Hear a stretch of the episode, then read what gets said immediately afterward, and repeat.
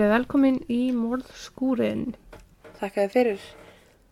Ég er Jóhanna Ég er Þúrdís. og bara vind okkur beint í þetta. Frábært. Uh, Málum mitt í dag er langt. Það er rosalega mikið af upplýsingum sem eru kannski ekki mjög nöðsilegar að hafa en í stóra samhenginu Mm. þá finnst mér mikilvægt að það taka þetta allt saman með. En William McKinney var bandarískur, hermaður og staðsettur í Þýskalandi. Hann var í Heidelberg þar sem að bandaríski herinn var með herstöð í kringum 1950 þegar hann kynntist þar þýskri, mjög fallegri konu. Hann sá ekki sóluna fyrir þessari þýsku figuradrottningu og ekki leið langu tími þar til að þau voru hamingi samlega gift. Þau höfðu vita frá upphafi að þau getur líklegast ekki eignast börn á náttúrulegan máta og höfðu bæði tekið því í sátt og ætluðu að lifa lífinu bara tvö saman og njóti eins vel. Og þau gáttu. Já. Það var svo í blábyrjun ársins 1953 þegar spurðist út að Katie nokkur, ung þýsk stelpa, hafði eignast barn. Barn sem hún hugðist gefa til ætlaðingar. Monika var ekki lengi að setja sig í samband við þessa ungu konu og sannfara hana um að hún sjálf og maðurinn hennar William væri réttu fóreldrarnir fyrir þessum litlu nýfætti stúlku. Löngsaga stutt, nýgifti hjónin þau William og Monica sem höfðu svo staðfastlega ákveðið að lifa ballus voru nú orðnir fóreldrar þessara litlu stelpu. Stelpan fekk nafnið Monica Louise McKinney og er það svo sem ég ætla að fjalla um í dag. Monica Mamman, og Monica barnið. Já, en ég ætla bara að tala um Móniku sem Móniku og mamman er bara fóreldrarnir. Ok. Ætliðingaferðli var flókið, þýsk yfirvöld gerðu ætliðinguna fremur erfiða að koma í framkvæmt en til að gera óbúslega langa stu- sögu stutta aftur þá gekk allt bara, þetta gekk allt saman eftir aðlokum og um mitt ár 1954 flutti fjölskyldan svo sama til bandaríkjana. Frá Mon- Þýskalandi. Frá Þýskalandi, já. Monika var august einn fórölda sinna. Hún hafði, eins og pappina sagði, gripi hjarta þeirra begja og gefið þeim hlutverk sem þau heldur bæði tvö að þau þurfti ekki á að halda. Ok. Monika var mjög auðvilt ungabann, rólega og vær. Fjölskyldan flakka á milli staða viðsvegar um heiminn vegna vinnu fjölskylduföðusins en Monika kom sér alltaf inn í aðstæður mjög fljótt. Aðlaðist nýjum heimakynum eins og skott. Maðurkotna byggu um tíma bara tvær og meðan fjölskyldufæðurinn fór til Vietnam til að berjast þar í stríði. Pappi Móniku kom heim 1967 úr því stríði og sá hann þá á svartu hvíti að þetta flakk sem fjölskyldan hafði upplifað væri fara að segja verulega til sín, sérstaklega á ungu Móniku sem var nú orðin úlingur.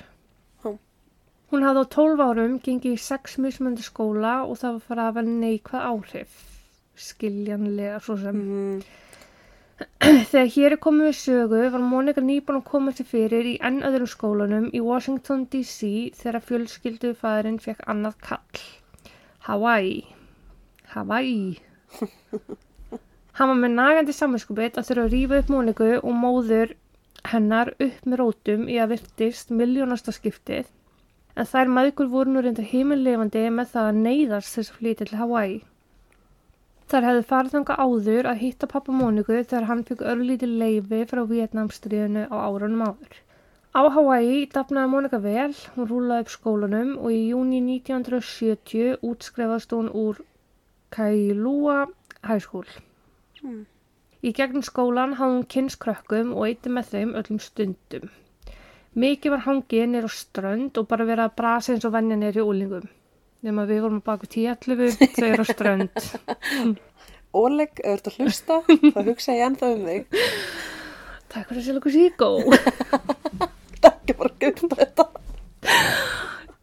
Í hóp þessara krakka var strákur að nafni Leonard Risso, kallaði Lenny. Áhugi fór að vakna hjá Móniku í garð þessa stráks og áður en fúreldrar hennar vissu af voru þau farin að eyðast nánast öllum stundum saman. Lenny var sonur sjóhermanns og í fyrstu sín leit hann ágætlega út í augum fúreldrar Móniku. Herr pappi og einhver herr sonur og Mm. leist vel á þetta en raunin var þó svo að hann var atunlaus með engin framtíðaplön og engan áhuga á vinna eða sinna því að vera fullan einstaklingur og því fjall hann ekki vel í kramið hjá þessu nýju tengdafóröldur sínum. Ugh. Fóreldrar Móniku töluðu um hann sem unemployed beach bum Ok. og töluðu um hann bara sem ræfil að því að hann bjó í fóreldrahúsum og eitti tímanu sínum með yngri krökkum. Ok, hversu gammal var hann? Hann var einhvað eldri en einhver tveim, þreim árum eldri en Mónika. Hvað var Mónika gammal? Mónika er ekki orðin átjónur þarna þannig að hann er svona rétt alveg tvítur. Ok. Er það bara óvinnlegt að búa hjá fóldur sinum? Kannski þeim fannst það á þessum tíma. Já, ok, getur verið. Hann var ekki búin að klára skóla eða neitt Mm. og var ekki vinnu þannig að hann var bara að hanga. Aðtölulegs auðmikið bótum. Já, heila. Ég ætla að bara að lega mér að segja það því það var það sem að hann, Það sem að fólkarnir er að segja. já og Basically. það sem að hann kom til með að stunda í framtíðinu sko. Mm. Ok. En þau voru því, fóreldarnir voru því óskaplega fegin þegar kom að því að faður Lenny var kallaður af eiginni og hann færður annað í vinnu.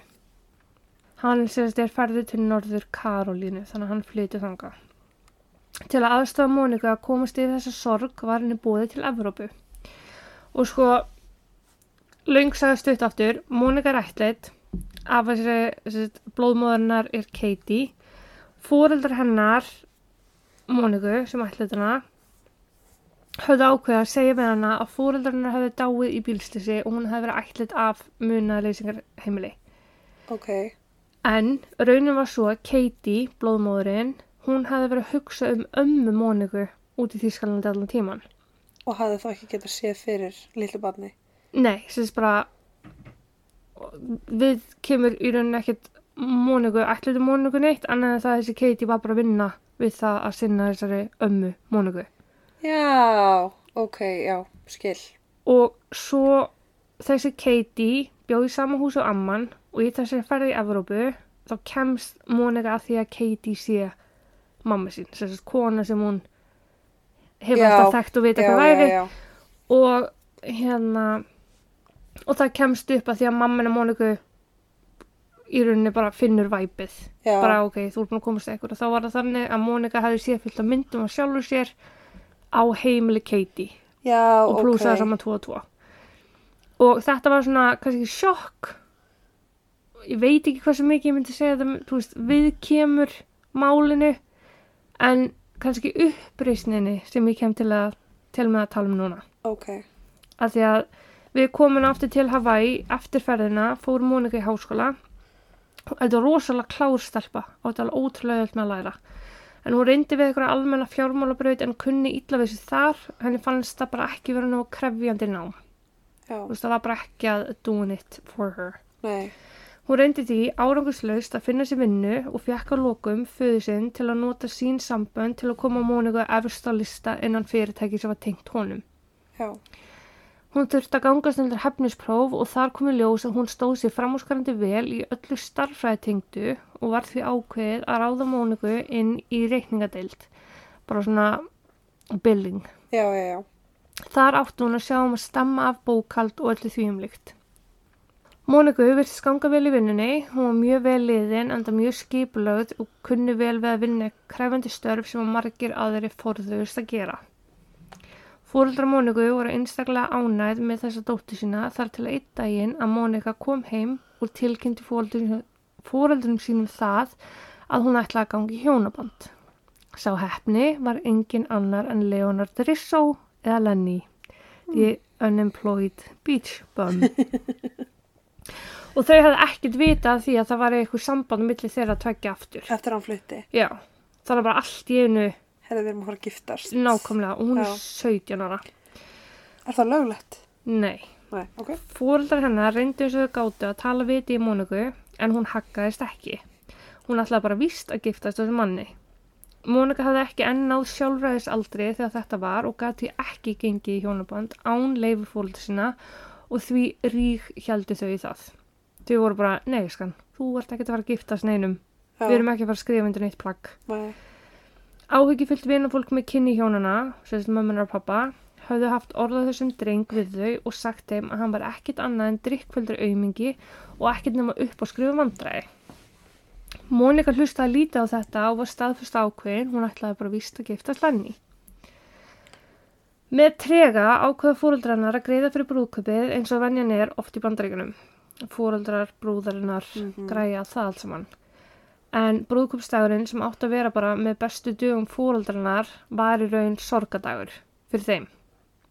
Þau voru að horfa enga dóttu sína, enga barni sitt, giftast manni sem þeir list nákvæmlega ekkert á. Brúðkuminn Lenny átti ekki eins og fyrir því að fljúa frá Norðu Karolínu til Hawaii þar sem þau ætlaði að gifta sig. Flottur. En unga parið hefði flutt til Norður Karolínu eftir að þau tóku saman aftur og Mónika sagt upp flottu vinninu sinni sem að pappina hefði þetta fyrir hana. Því ákveðu fóreldrar Móniku að fljúa Lenny fram og tilbaka, bara til, svona, til að sína lit. Mm Fóreldrar Lenny byggu í Norður Karolínu og þess vegna höfðu þau fluttangað. Þau höfðu nú ekki haft fyrir að fljúa til Hawaii sjálf en það fannst þeim engin ástæði til að eigða peningi í eitthvað svona óþara umstang. Samála. Brúðkaup svona síns. Já, reyndar. Brúðkaupið var svo haldið á Valentínusnadaginn 14. februar árið 1971 og aðtöfnin var falleg.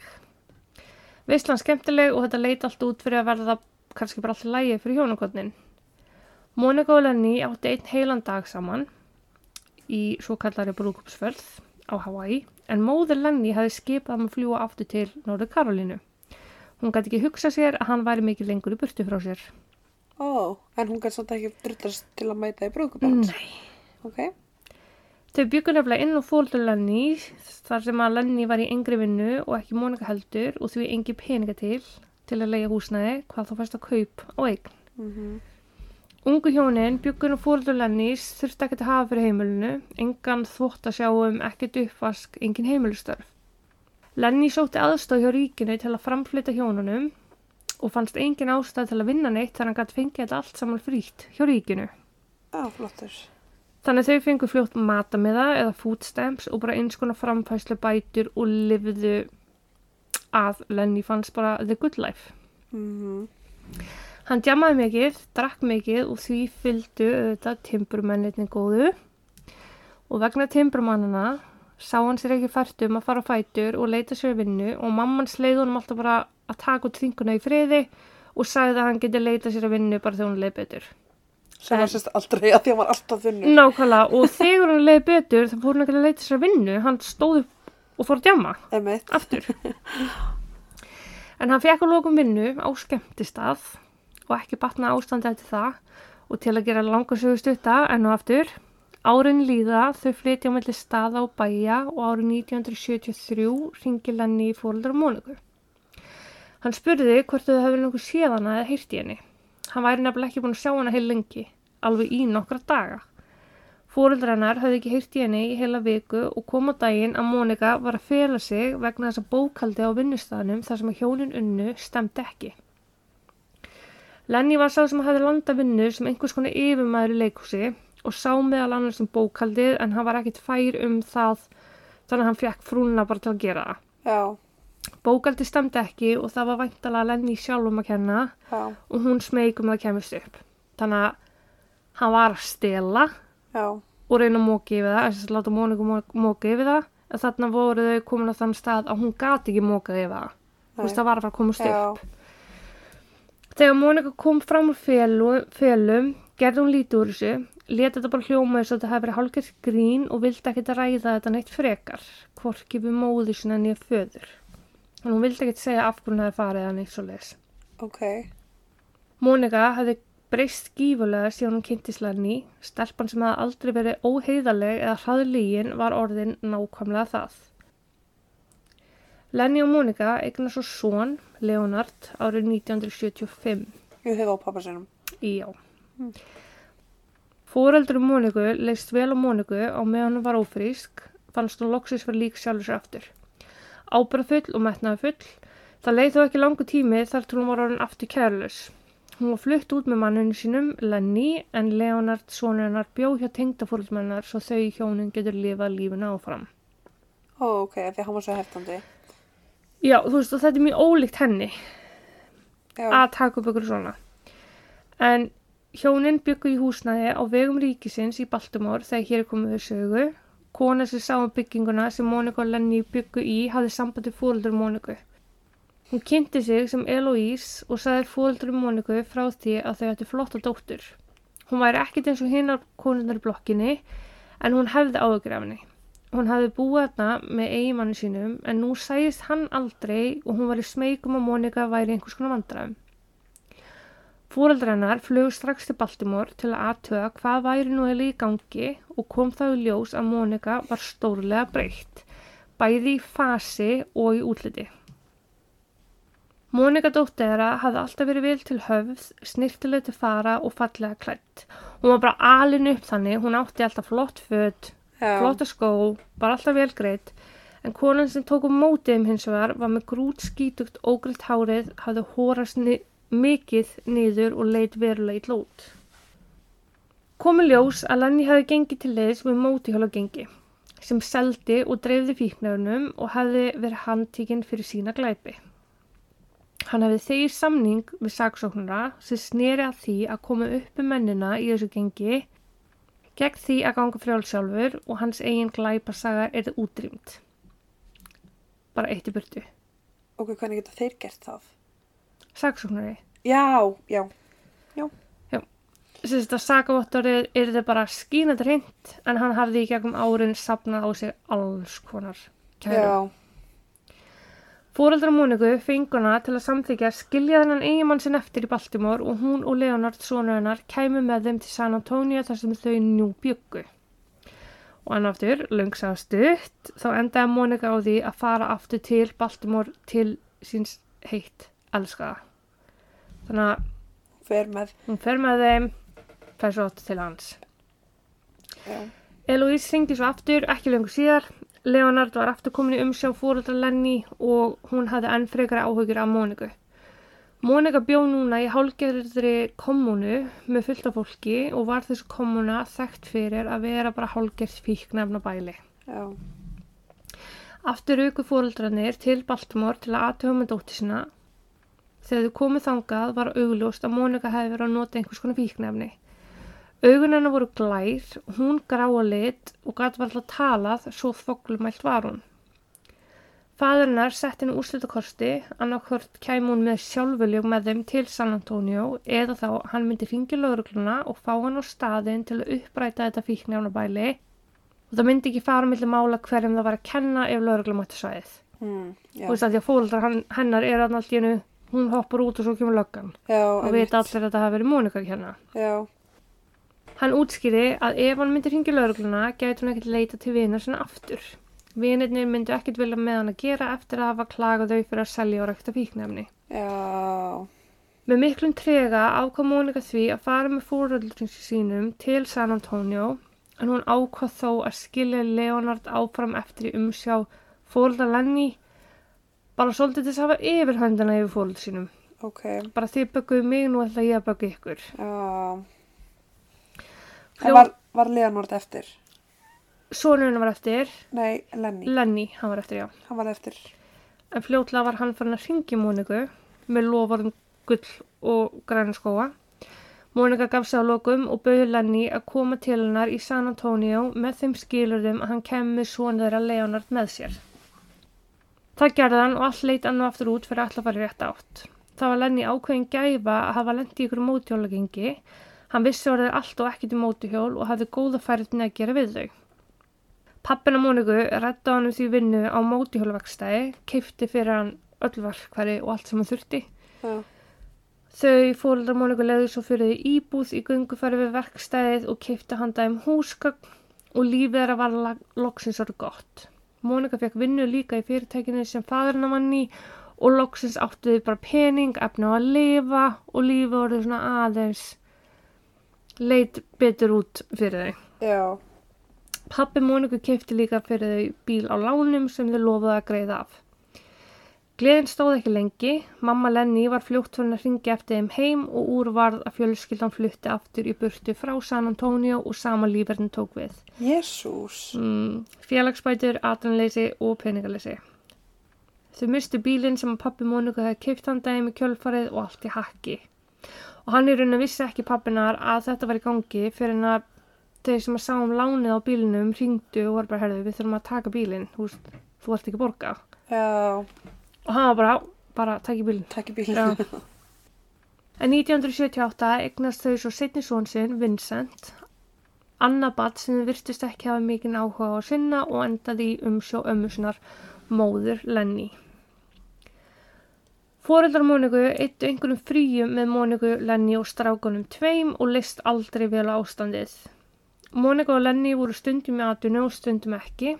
Uppkomst um Lenny að hann yfirleitt var frá að stela pening af þeim fyrirtækjum sem hann vann hjá og fekk Móniku konu sinna til að hilma yfir það með að fykta í bókaldinu. Mm. Mónika var yfirleitt gjörsamlega á nálum að hilma yfir þessi leyndamál í kjölfarið sem að fóreldrar hennar voru bara skítrætt við. Þegar þau reynda að tala við Móniku um þetta allt saman fengu þau yfirleitt svarið að þau varu bara afskiptisum og forvitin. Bara, æ, mamma og pabbi hætti að skipta ykkur að. Ugh. Samband á milli Móniku og fóreldrannar var því orðið óverulega styrt. Og það líðan að nokkur ár þar sem að það er bara mjög lítil samskipti, bara lágmarks samskipti. Og þau eru bara í sama lífverni. Já, það kom því fóreldraminnar verulega óvart þegar Mónika hringdi í loka árs 1988 og saði fóreldrum sínu frá því að hún ásand fjölskyldu sinni ætlaði að flytja til San Antonio í byrjun árs 1989. Næstu ár gengur bröðsula í fyrstu. Fjölskyldan bjó inn á fóreldrum Móniku. Sambúðan var skrautleg, mamma Móniku bauð ekki upp á sömu þjónustu og móður Lenny hefði gert og því þurfti Lenny að læra hratt að drasl sem hann skildi eftir sig út um allt hús var nákvæmlega það, Já. drasl. Og drasl var tekið beint út í ruslotinu.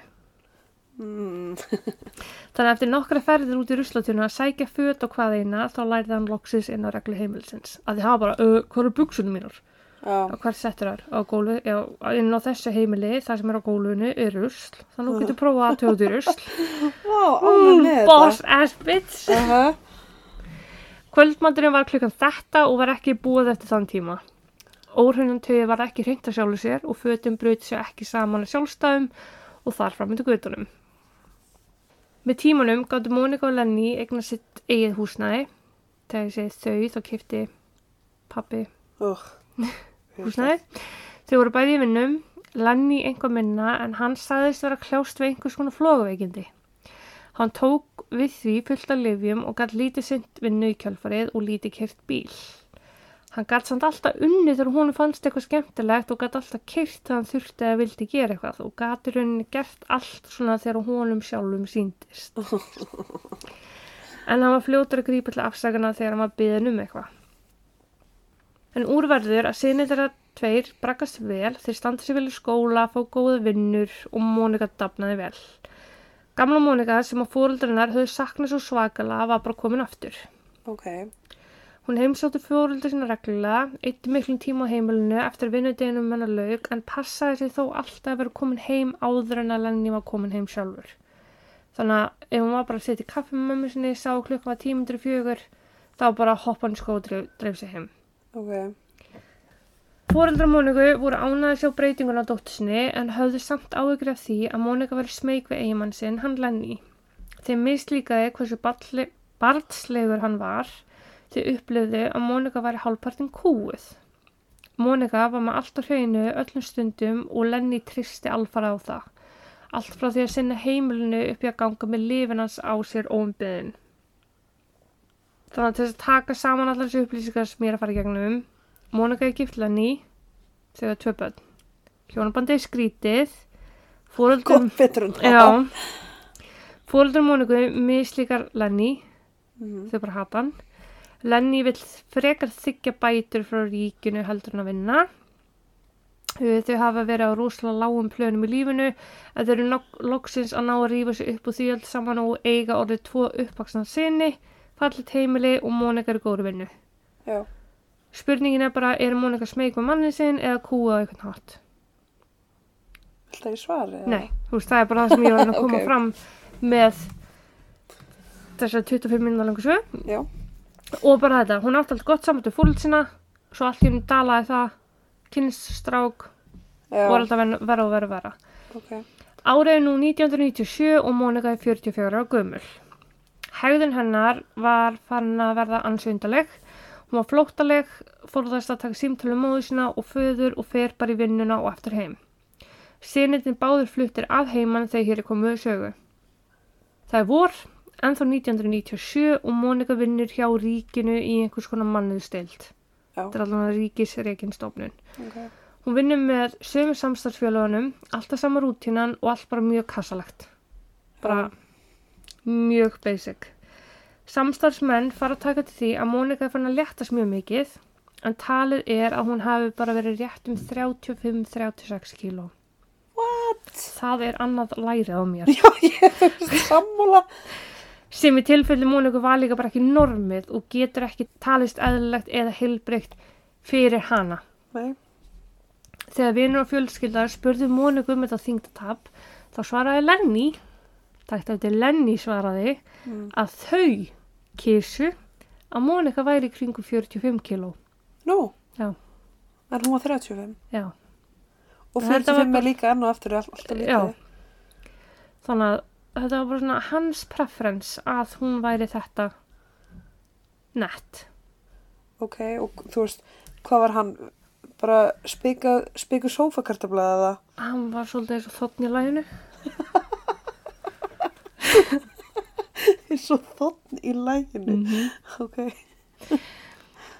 Þann 5. mæ árið 1997 strunsar Mónika út af vinnustafni sínum, skilu veskið sitt eftir og sést aldrei framar af vinnufjölunum sínum. Lenny hafði reynd að ringja í vinnusíman hennar sem hún hefði ekki svarað. Hann hafði þá ringt í rítara þeirra deildar sem hún vann við og held sér yfir rítaran að ná í konun sína eða Get my goddamn wife on the phone and get her now. Mónika döð skammaði sín fyrir þetta og afsakaði sig og sagði að Lenny liði ekki vel. Gekk svo út og sást aldrei framar. Ó. Yfirmaðurinn hennar hringdi í hana þann 13. mæ, svona tæpur viku eftir, bara til að aðtöfa með hana hvort að það hefði verið allt í góðu með hana. Og Mónika afsakaði fjárveru sína, sagðist það verið veik undanfarnar vikuna og að hún kæmi aftur til vinnu næstkomandi mánudag sem hefði þá verið 19. mæ og það eru Ok. þá tvær vikur sem hún hefði rauninni verið í burtu frá þeim degi sem hún gekk út. Og var það bara eitthvað svona sjúkra veikindandagar? Já, hún var að nota þá. 19. mæ kom og fór og Mónika mætti ekki til vinnu. Yfirmaðurinn hennar reynda að ná í hana 20., 21. og 27. mæ og aldrei svaraði Mónika símanum. Og hann endar á því að skrifa bref þar sem að ef hún ekki mæti til vinnu fyrir einhver x dagsetningu í júni að þá gangu þeir út frá því að hún sé ekki lengur að starfa í höfum. Ok. En ekki, þú veist, hei, laurugla, getur aðtöðað? Byrju? Ok. Þú veist ekki hárað mér, ég er með fuggla reyður í aftan á Já, haustum. tengi. Áhugju vöknuðu í ljósi þess að þetta var ekki fyrsta skipti sem að Mónika hafði horfið og ekki lift neinum að ná á sig. Mm, Mánuði áður, eða 8. apríl, hafði hún ekki verið við vinnu í tvo daga. Samstarfskonanar ákvað því þá að fá lauruglu til að kíkja heim til hennar í svo kallað welfare check, eða bara Já. velferðar eftirlit. eftirlit. Að því hún hefði tekið eftir því að Mónika væri öll marinn og blá, bæði í andlitu og hálsi.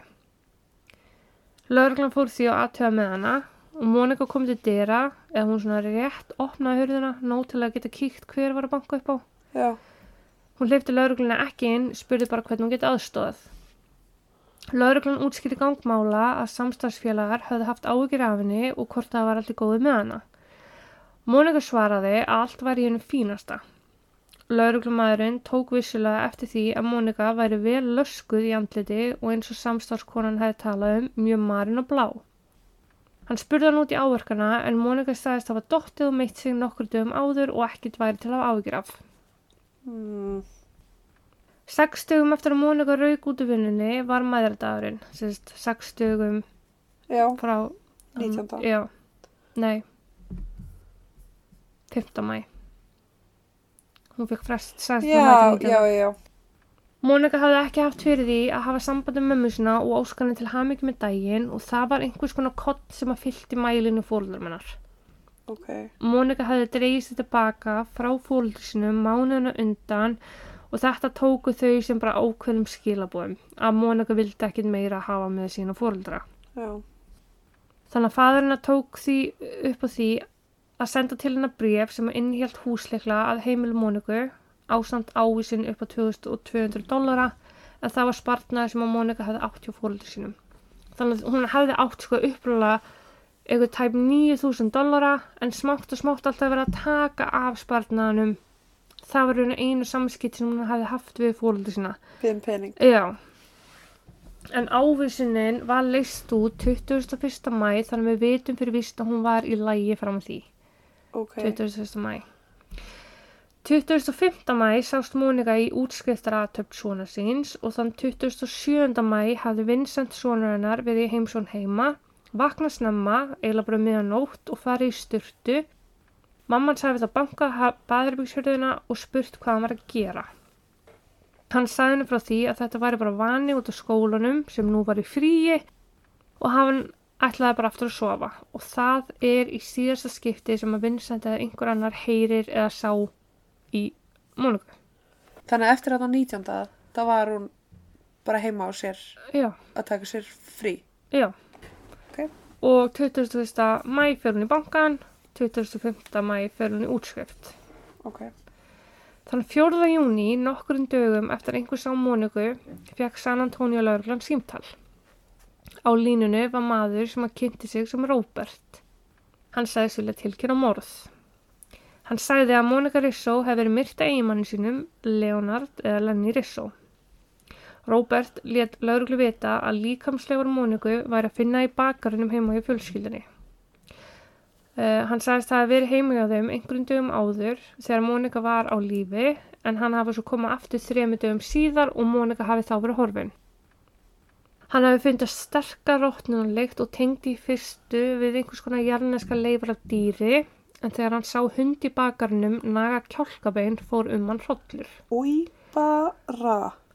Hann fór á hundinum og skoðaði beinið og tók strax eftir því sem hann tók sin staðfestingu á að Mónika Ríksó var látin. Neðri tanngarðurinn í þessu kjálkabeini var nákvæmlega eins og neðri tanngarður Mónika hefði verið. Mónika var sérst með skekju í neðri framtönnum sem að einkjöndu hana. Mm. Einn tönnum kom fram í næstu, alveg sem ég var með ánin ég fekk beina tennur. Ég veist að Já. flestir hefði þekkt tennuna mínar í kjálkabeini, skiljum við. Já, já, já. Lauruglan fór ekki fyrr en daginn eftir að heimili Ríksofjölskyldunar. Daginn eftir. Já, Af hverju? góð spurning. Mm. Áður en að lauruglan kom að heimilið hafði Vincent farið til ömmu sinna og afa, fóraldra Móniku og spurt hvort þau hefði séð mömmu sinna. Þannig er fimmtudagur og Vincent segist ekki verið búin að sjá mömmu sinna sína á þriðudag. Og faði Móniku hissa segir bara hvað meinaru, er hún ekki búin að heima í tvo daga? Og Vincent er bara, nei, síðan síðasta þriðudag. Hún er ekki búin að heima í nýju daga. Ah, Fadur Móniku spyr hvað Lenny segi um þetta og Vincent segir að pappi sinn hafi sendt sér til þeirra til að spyrast fyrir. Lenny sjálfur sé á flakki að reyna að leita af þannig hjá vinum og vandamönnum. Þau orðin logandi áhyggjufull hafa sambandi lauruglu og tilkynna Móniku týnda. Setna sama dag mæti lauruglan heim til Rissofjölskyldunar.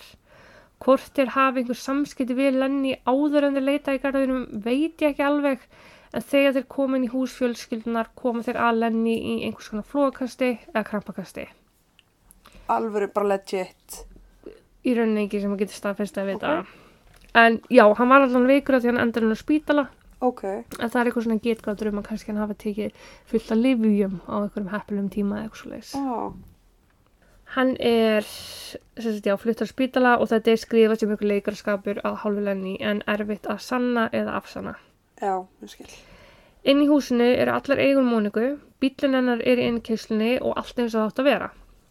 Hins vegar var ljóst að einhvers konar átök höfðu verið inn á heimilinu en búið var að kýla í veggi og blóð að finna á mörgum stöðum. Lenny sagðist hafa orðið reyður að veit ekki hvar konu sem var niðurkomin og reðst á húsið í kjölfarið og hans sögn vann húsið. Nei. Í garðinu fundi svo hellingur á beinbrotum við sjónungarðin en gengi var út frá því að um var að ræða dýrabein. Því fóru lauruglan. Bara burt. Já. Fóreldur Móniku tóku bara málinn í sína hendur og rannsökuðu heimilið sjálf. Heimilið var á kvolfi að þeirra sögn, ávísunarhefti Móniku var á komóðun hennar og tóku þau eftir því allir hennar reikningar hlita að vera tómir. Veskið hennar var komin til skila og í því var allt sem hún hefði þurft hefði hún ætlað að fara eitthvað sjálfuljúk. Já, kort og... Personu skiliki og allt þetta. Já, Í bakgarðinum var hjólhísi sem var skrifstofan hans Lenny. Ha? Skrifstofan var heldur óhefðbundin en þar var að finna hvítuft, að rakvela blöð, lítinn speil, rúm sem var búið að taka allt utanaf, blóðblettir eða í það minnsta líkamsvessar voru ábærandi í rúminu og kynlífsleikfung að öllum starðum og gerðum dreiftum rúmið. úi. Þetta var his office. Step into my office, please. Ég kapnaði mín einn ógeði þegar þú sagðir þetta, sko. Fóreldrar Móniku fóru af heimilinu, tók allt sem var í veskjum Móniku með sér og letu ljósveita gögnin. Þau fóru svo aftur á heimilið þar sem þau yfirfóru alla reikninga og kom þá í ljós að flest allir reikningar síðustu mánuða voru ógreittir. Sýnir Móniku byggu ekkert inn á heimilinu og höfðu því ekki hugmyndum hvað þið gengi á eða ástæðinu fyrir því sem var í gangi. Því næst fóru þau til henni sem að lág spítalunum. Hann var inn og út uh, úr meðutund og gætt lítið svarað. Ó, Dæin eftir ringi Leonard í afasinn og sagðist hafa verið að leita einhvers konar vísbendingum þegar hann rakst á nokkra krukkur smekkfullar af einhvers konar hvítu dufti inn í hjólhísi föðu síns. Faði Móniku segir honum að láta þetta eiga sig, ekki snerta þetta, hann sé á leiðinni. Lenny þóttist ekkert vita hvað máli snýrist en við kynntu þó að lokum að hann ætti þessar krukkur að það hefði bara verið liftið upp í þeim. inn á skrifstofunni. Já. Mm. Svo baði hann Leonard um að grafa krukkunir í bakaninn með liftið upp Áður en að pappi Móniku náðu að koma. Nei, eftir það sko. Ó, já, ok. Nokkrum dögum síðar eftir að Lenny var útskæðar af spítalunum voru krukkunar horfnar. Kom pappi Móniku ekki að náði þetta? Nei, hann vildi bara sjá þetta. Ok. Þetta er bara hvarf, liftið Já. dufti. Liftið Hann er upp kannski farið að baka köku. Alveg pottjett. Þú þarft alveg þrjá teskjar í ameríska pönnukökur. Nei, hvað veit maður? Fóreldrar Móniku lokuðu ekki samskipti við Lenny. Þau vildi koma til botts í málunum en Lenny fórðast þau þess að heita hann eldin. Þann 4. júli far lauruglun í San Antonio svo annað símtal. Á línunni er aftur Robert, sá sem hafði hringt hann 5. júni. Hann endur tók aftur við lauruglu að Monika Rissó hefði verið myrta eiginmanni sínum og að í garðinum myndi finna sannanir þess efni. Líki hennar væri líklegast að finnast undir hrúu að dekkjum í garðinum. Lauruglan fór rakleðist í þetta skipti og að heimilir Rissó fjölskyldunar á meðan Lenny var við grillpartí. Þeir leita í garðinum og fundu nákvæmlega það sem að dulafulli Róbert hefði sagt þeim. Líkamslegar fundust undir dekkjarhúu, höfukúpa og lítil beinbrot. Öll minni en sko þetta var allt úr 1 cm upp í 10 cm. Ekki að búin að Alveg. rakvélabliði til að... Nei, á samt póka með því sem að leita út fyrir að vera hreinlega húð á mannslíkama. Úi, Inn á heimilinu voru eins og mánuðin áður, blóð á veggjum og allt á rú og stú. Tekin úr alls konar síni, meðal annars skori hluta úr vegg sem var blóður. Lenny sagði að þetta væri bara blóð eftir að hafa verið reyður út í húsið. how stupid can you be? Fordleifa fræðingar voru fengnir til að koma staðinn til að grafa allt upp og mertu með appisningulum fána ef þeir fyndi einhver sem að bentu til að líkamsleifar varu viðkomandi stað. Garðurinn endaði God. ansi vel þakin appilsýningulum fánum og ofan í grillunu, fjölskyldu grillunu, fundist líka agnar að beinum. Sem hann var að grilla með í grillverslunum sinni. Nei, hann var annars þar í grillveislu, Ó, sko. ok, ok. En í grillinu var talið að þeir hefði fundið handabein. Beinin voru ekki öll glæni en þó ekki nógu gömul til að hafa leiði lengi í garnum. Þau voru öll hálf sleip sem að bendi til þess að þau hefði leiðið þannig í kannski einhverju vikur en þó ekki marga mánuði eða ár. Úi. Þetta fréttist ansir hatt út og Lenny frétti af þessu líka. Þess að hann var náttúrulega ekki heima og með það var að vera að gera þetta. Það hann bara kom á fjöllum. Já, hann hafði sambandi lauruglu um tveimu tímum eftir að hann frétti af líkamslega fundunum heima á sér. Hann sagðist að hafa fréttað þessu á vinuhólkin sínu og vildi vita hvað gengið eða á. Lauruglan bauð hann um að koma í viðtal niður á lauruglustöð sem hann svo mjög óvænt þáði og í viðtalinu sagðist hann ekki hafa haft hugmyndu um hvar konu sem væri, hann saknaði hennar, þau væri og hann vildi ekkit meira en komast að því hvar Mónika sín var niður komin. Ok, eða tímunum í grillveislu. Mm. hann var líka búin að vera eða tímanum í bara allt annað en uh, að leita konunu sinni sko. Eitt. Lauruglun útskýri að þetta var nú ekki mandrópsrannsókn eins og er því að ekki var hægt að segja til um hvernig viðkomandi lest eða hver viðkomandi væri. Og þá sagði Lenny, maybe I ought to kill somebody else. Somebody else.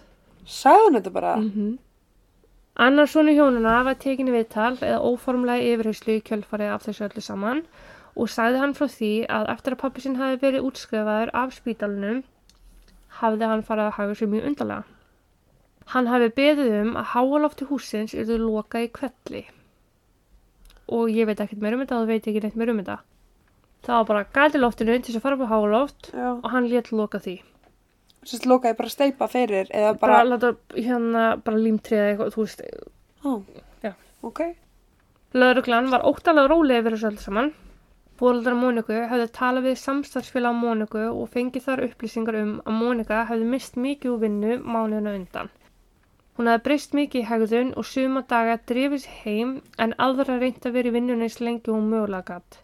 Svo lengi að öryggiskesla þurfti ofta að reka hana út í nokkuð skipti að þið þurfti að læsa byggingunni.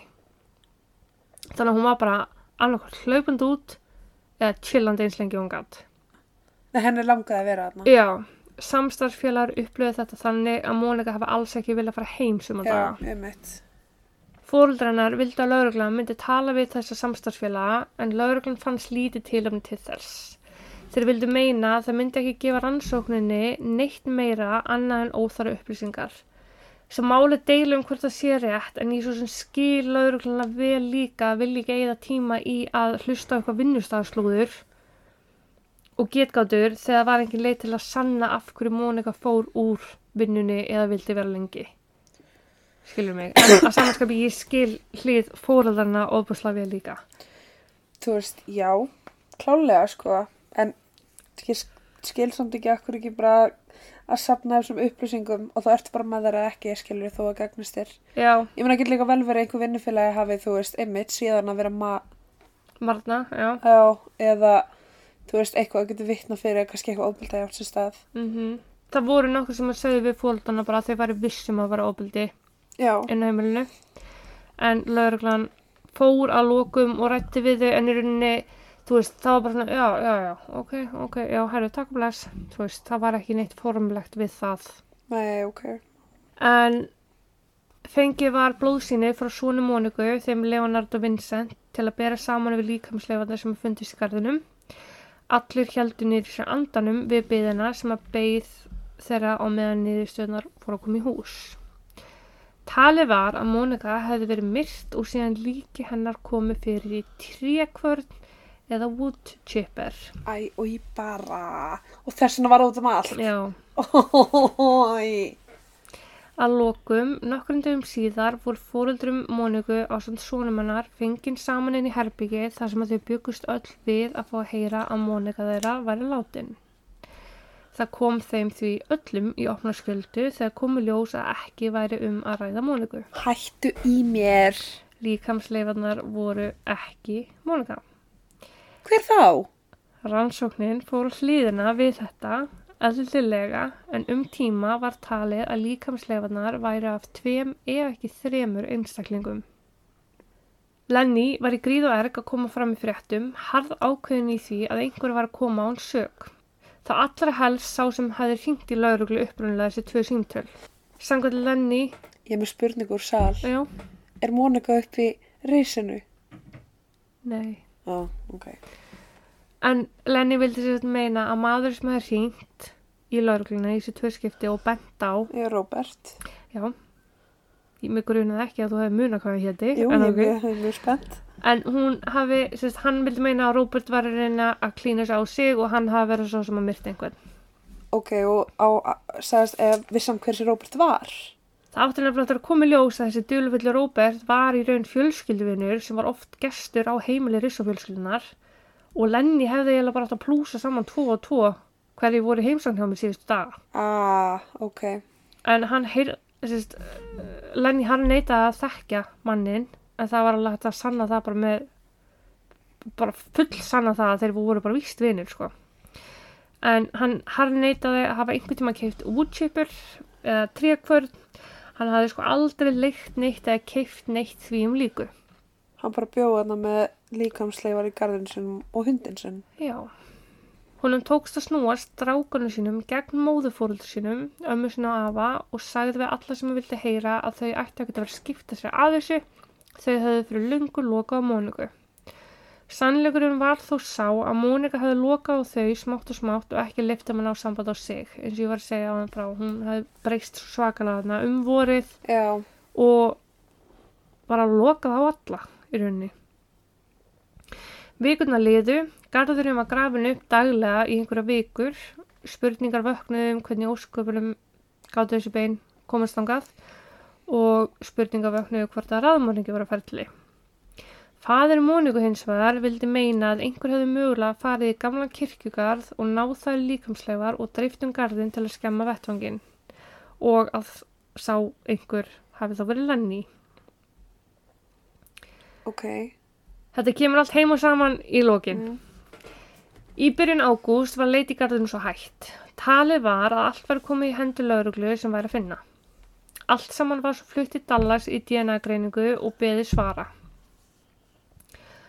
Á meðan komist fóruldrar Móniku að ansi undarlegum hlutum og kvöttu alla sem áttu hluta máli til að fara til lauruglu og gefa þar skýslu af eftirfarandi frásögnum. Á þessum tíma sem að Mónika er talin hafa horfið á Lenny að hafa verið að gera við mótuhjóli sitt. Maður myndi ætla að maður sem hefur gert við mótuhjól eigi allt til þess, sérstaklega þegar tengdapappin kifti allt fyrir hann til að gera við mótuhjól á sínum tíma. Já, En þannig daginn fór hann yfir til nágrunn síns og baði um rörleikil að láni. Nágrannanum var heldur brugðið þegar Lenny kom yfir en það var höfuðið á honum út að það í blóði. Lenny á þá hafa sagt, ó, nú, ok, já, um, það er sko bröst intíminn maður að hann, lamdi mig í hausinn, hlýtur að vera eftir það. ok. Ég held sko að vera að fara að segja að það var eftir húsið. Nei. en þarna var hann búinn að sína sig með blóð og þar með taka Já, allan grunn frá sér. Og þau, já, nei, nei, ég hérna, hann bara reðst á hann innbrota þjóður og síðan meir þá tilkynnti hann, leta hann hluti hverfa af heimilinu sínu og tilkynnti innbrot Já, og gatt nota nágrannan sem sönnun. Ah, að það að það hafi brotist inn til hans. Ok, Það gekk ekki eins vel og hann hefði ætlað. ég get að limta með það. Kærasta Vincent, sonur Móniku, sagði fóldur Móniku frá því að Vincent hafi við víst vitað af því að mammina var reglulega lamin. Þarna voru þau fóldarnir bara, hvernig fór þetta fram hjá okkur? Já, Hvernig vissu við ekki að það væri eitthvað slemt í gangi? einmitt. Og þarna var kærastan bara, jú, við vissum þetta víst. En þá var hann að segja frá því að hún hafi sjálf verið vitnað því að í eitt skipti var Lenny að lemja Móniku að hennar eiginsögn í stöppu og Mónika hafi grátbyði Vincent um að ringja lauruglu en Vincent hafi ákveðið að ringja ekki, sjálfsagt logandi hrættur sjálfur við pappa sinn. Ok, En þegar fóreldra Móniku spurði Vincent út í þetta þá harf neitaði hann fyrir þetta. skamma hann sín eða er hann bara svona pappa sér? Sko, pappan skrifar í bókinu sinni I guess the Rissos have a habit of lying. Lenny hafði verið spurður út í hvort að Mónika væri með eitthvað tattu eða eitthvað slíkt sem getur auðvitað auðkjönd hana þegar, þegar hún var upprunalega tínt. Já, Hann sagði að svo var ekki en það átti eftir að koma ljós að hún hefði nýlega fengið sér tattu tattoo niður allt baki af sér af einhverju fíguru með smettin á Lenny Nei. og hann bara myndi ekki eftir neina tattooum. Ó, ok. Ok. Lenny held áfram að grenja í fjölumilum eins og honum einu var lægið á þessum tíma og kvartaði sáran undan tengdafóldur sinum hvarfi eiginkonu sinnar og peningaleysi. En þann 20. og 8. ágúst fegst svo staðfest að meðal þeirra beina sem fundist í garðinum voru bein Mónikur Rissó. Og pappanar sagði að þann daginn hafa hann hægt að þurfa að býða eftir að sími ringdi að dóttarnas voru fundin og hann gæti slögt á luktinni sem hann var búin að vera með kveikt á fyrir utan heimilisitt allan tíman til að lýsa dóttur sinna leiðina heim. Æ, ég, ég get ekki, ég hlæð þegar ég er með kvíða. Þegar hún setur mig aðstæður sem ég vil ekki. Ah, já. Minningaráttöfn Móniku Rissó var haldin 9. september. 200 manns mættu en þar á meðal voru ekki sinir Móniku. What? Þeir neituð að mæta í ljósi þess að föður þeirra Lenny var ekki bóðið. Æ. Sko fyrir að fyrsta, Lenny var alveg, alveg 100% á því að, að Mónika var ekki dáin, sko. Hún var á lífi, hún bara fór frá honum. Mm Hún kannski plantaði þessu beinu til að koma að söka hann. Já, getur verið. En fóreldrar Móniku voru náttúrulega bara þú darfst hana fýblið því ég vil ekki sjá þig. Já. Um, en Lenny sem var alveg á því að hún var ekki dáin hafði samt haft fyrir að senda blómi í minningratöfnina til að minnast eiginkonu sinnar Sem hann heldur að sé ekki ennþá dán. sem að sé bara ekki dáin. Ó, ok. Já. Þannig að þessi bein voru bara... Ekki hún. Mm. Vikurna liðu, mánuðinni liðu og ekkert gerðist í rannsókn Móniku. Það var talið nokkuð örugt að hún hlita að vera látin í ljósi þess að beinin hennar finnast hann í bakarnum en samt virtist engin gruna að vera í málinu og engin raunveruleg morð rannsókn í gangi hann í fyrstu. Ok. FBI blandaði sér aðeins inn í málið og tóku síni af sínum sem að San Antonio lauruglan hafi tekið og það gaf tímabundið von sem að endi stutt. Þetta var þá, þau hafi tekið, þú veist, bút úr teppi inn á heimilinu, bút úr vegnum inn á heimilinu, Já, bút úr já, þessu inn á heimilinu og lauruglan, eh, FBI var að taka síni úr því til að reyna að skera út um, ok, er þetta blóði hans, er þetta blóði hennar? Já. En það kom ekkit í ljós frá þeim sínum. Þetta var bara allt svona, hérna, Undetermined. já, af því að, hvað heitir þetta? Þau voru spilt. Já, sérst bara ónýtt. Já, bara ónýtt, sönnunargögn, já. Já. Fjölmjölar heldu áfram að geta málið í sig og fréttu fóldra Móniku margt þar í gegn. Meðal annars fréttu þau mjög óvendar upplýsingar tæpa ára eftir að dóttir að hvarf. Það var þó þannig að 29. mæ 1998 kom í blað frétt. Viðtal við rannsakanda á vegum San Antonio lauruglunar þar sem hann sagði frá því að þann 5. júli áruna áður en að beinin fundust hafði Lenny beðið um tíu ára fangilsistóm gegn því að játa sagt sinni í málunu. Þess að þegar lauruglan fyrir garðinn, fyrir beinin, Lenny ringir í laurugluna, hvað er þetta? Þeir bjóðum í viðtal. Já. Í því viðtali segir Lenny, ég skal játa ef þið gefið mig tíu ára dóm. Já. Það var með yngum móti hægt að koma í gegn þessu fyrir hann og því bakkaði hann með þessa játningu sem hann ætlaði að gefa þeim bara á silfurfati og neytar staðfæslaði fyrir að þetta hafi raun gest en þetta einn dag. var þetta ekki upp? Nei, að þetta var viðtalin ekki yfirresla. Mm. Leonard, sonur Móniku, dó svo eftir baráttu við krabbamein ári eftir að móður hans hvarf og fekk því aldrei að vita hvað raunverulega kom fyrir móður sína eða hvers og seki er, eða var. Aftur skrítið komment frá Lenny sem stóð fastur á því að konun hans væri tínd en ekki látin.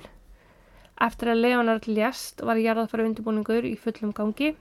Fóreldrar Móniku hafðu sett sitt hatur í garð Lenny til hliðar og vilja aðstofa Lenny við útförinu hjá barnabarninu sínu.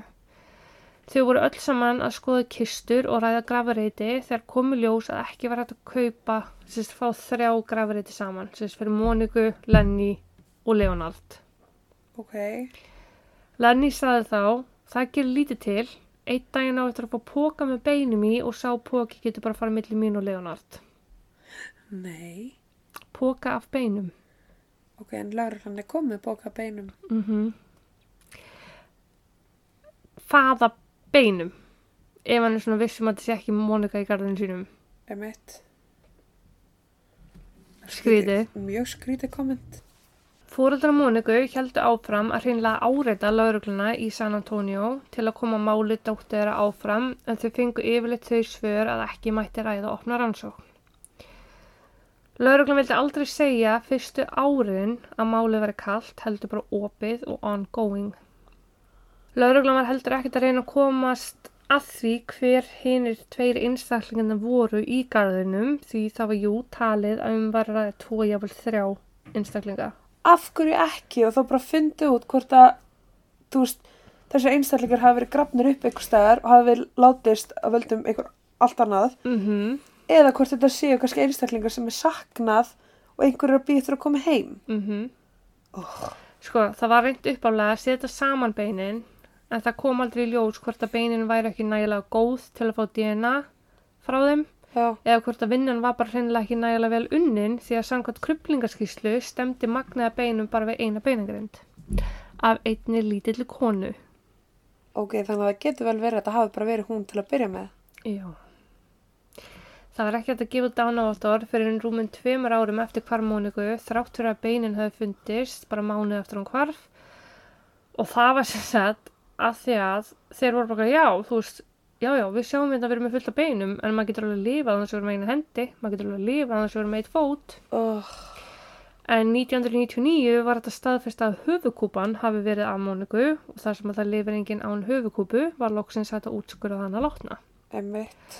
Og dánarórsök var skráð sem death by homicide út af augljósum ástæðum. Já, En það er þá þar með bara staðfest, þetta var eitt lík, Mónika, ekki tvö og þrjú. ok.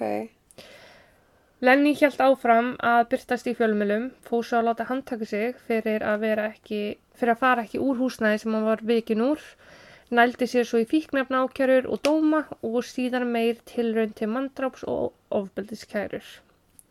Hann tók sér til tveimur árum eftir að Mónika kvarf og stakk kærustun sína og landana í spað, flúðu svo lauruglu eftir að hafa hótað að fyrirfara sér og endaði á því að vera skotin í kviðin af laurugluþjón. Æjæj.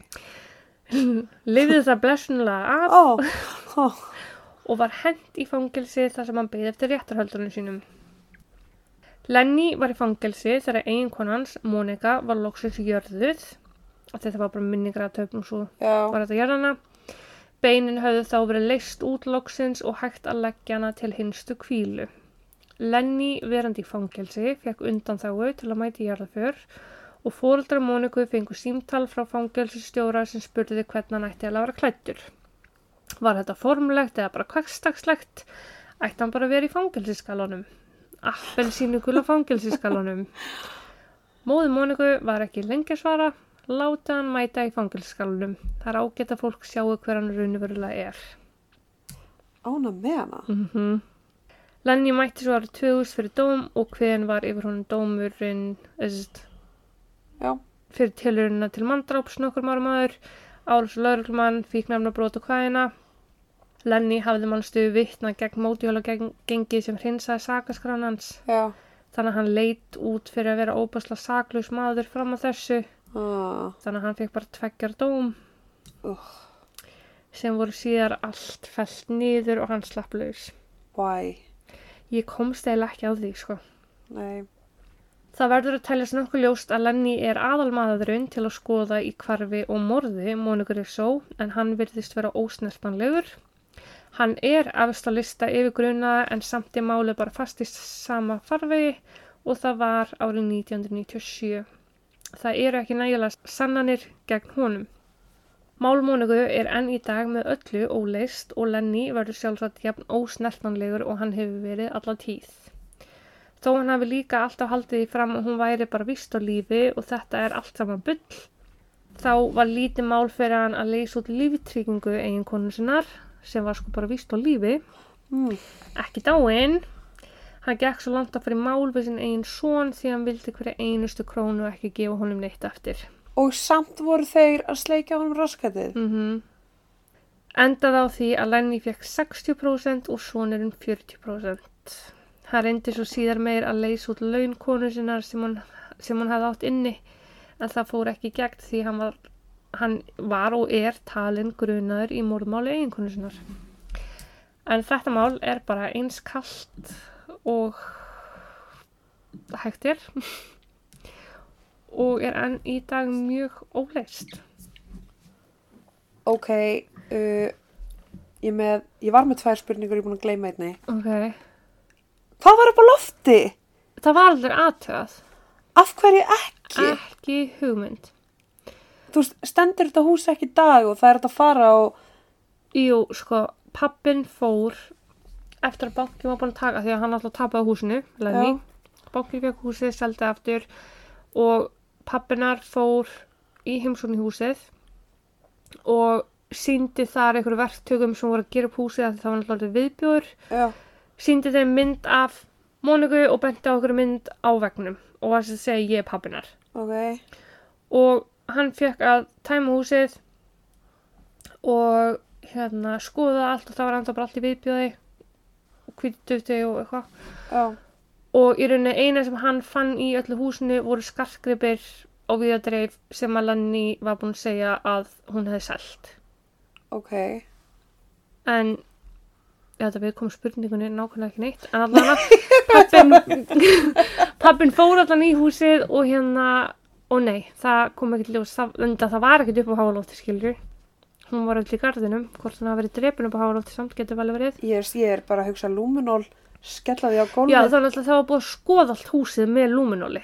Og var ekkert blóð ekkert of mikið eða sem að Lenny var ekki með svöri enn upp á lofti sem hann lokaði fyrir. það hl- nei, lögreglan var búin að skoða áður en að lokaði fyrir loftið. Ok, ok, þá er spurning nummer tvö.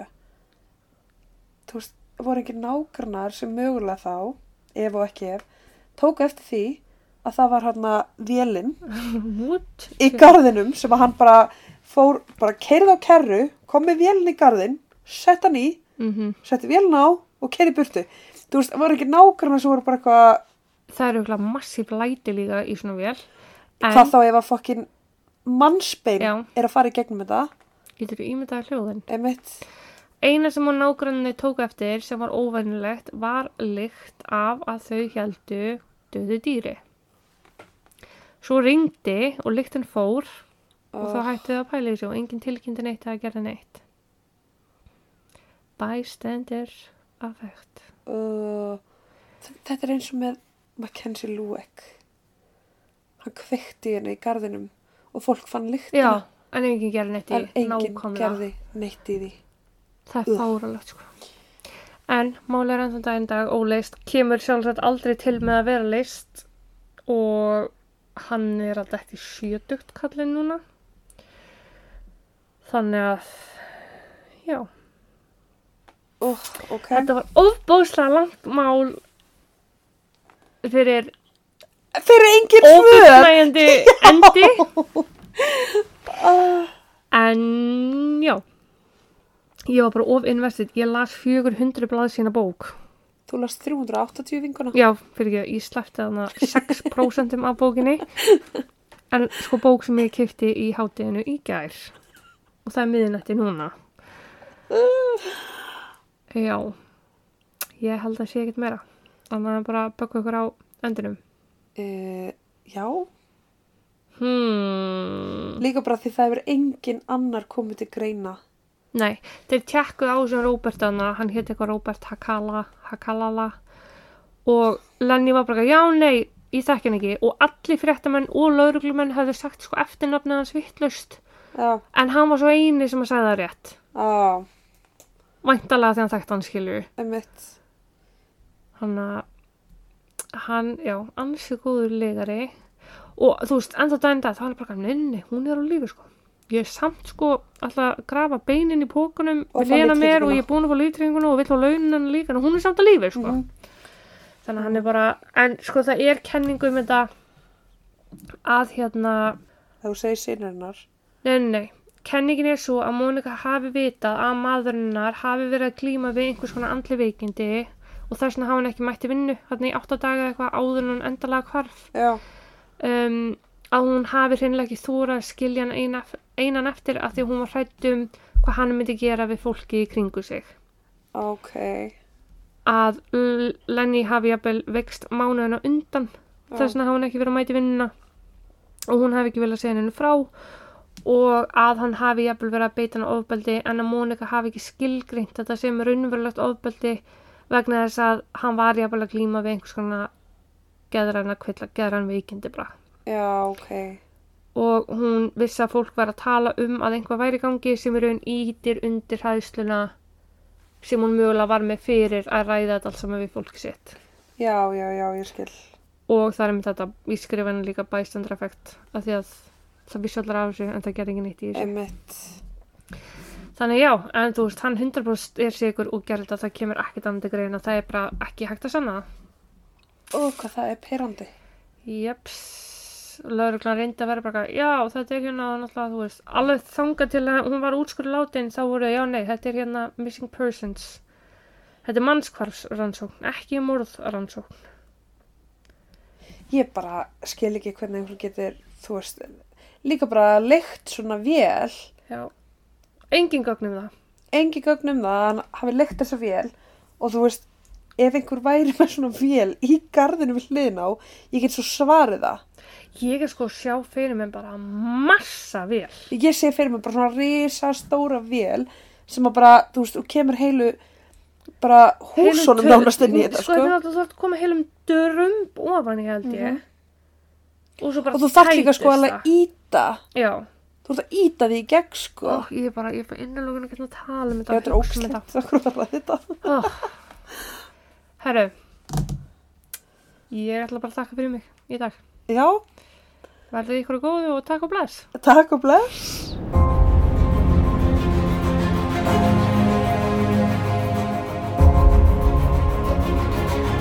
bless.